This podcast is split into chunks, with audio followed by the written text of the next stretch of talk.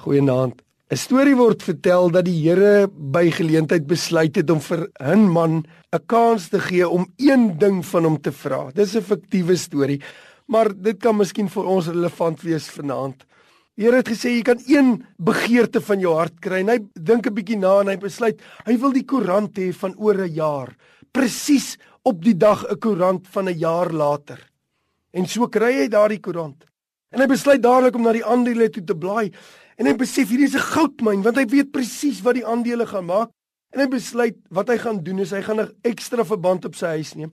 Hy gaan na sy vriende en familie toe gaan en gaan geld leen. Al die geld wat hy bymekaar kan maak, sal hy belê in die aandele wat die meeste opbrengs sal gee oor hierdie jaar.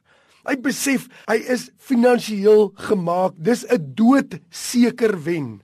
En terwyl hy so opgewonde is hierdie man en wegstap om dadelik werk daarvan te maak want daar's nie 'n oomblik wat hy moet verloor nie. Hierdie is sy fortuin. Sit hy die koerant neer en die koerant waai. En soos wat hy waai, waai op die sterfberigte. En hy sien sy eie foto en sy eie naam. Hy is die vorige dag oorlede. En ek die storie hoor, dink ek so aan Jesus se woorde wat sê: "Wat baat dit jou om die wêreld te wen en aan jou siel skade te ly?" Jesus vertel 'n gelykenis en dan sê hy 'n dwaas was wat al sy hoop gesit het op dit wat hy bymekaar gemaak het en toe gedink het hy het genoeg bymekaar gemaak vir baie jare.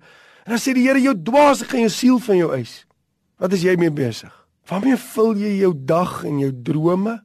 Is dit om bymekaar te maak want Prediker sê jy maak bymekaar vir iemand anders.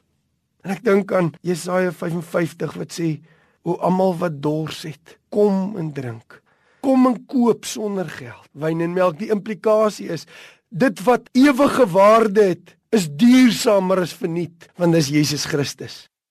Die Bybel sê moenie bymekaar maak hier waar mot en roes verniel en diewe inbreek en steel nie, maar kry vir jou skat in die hemel.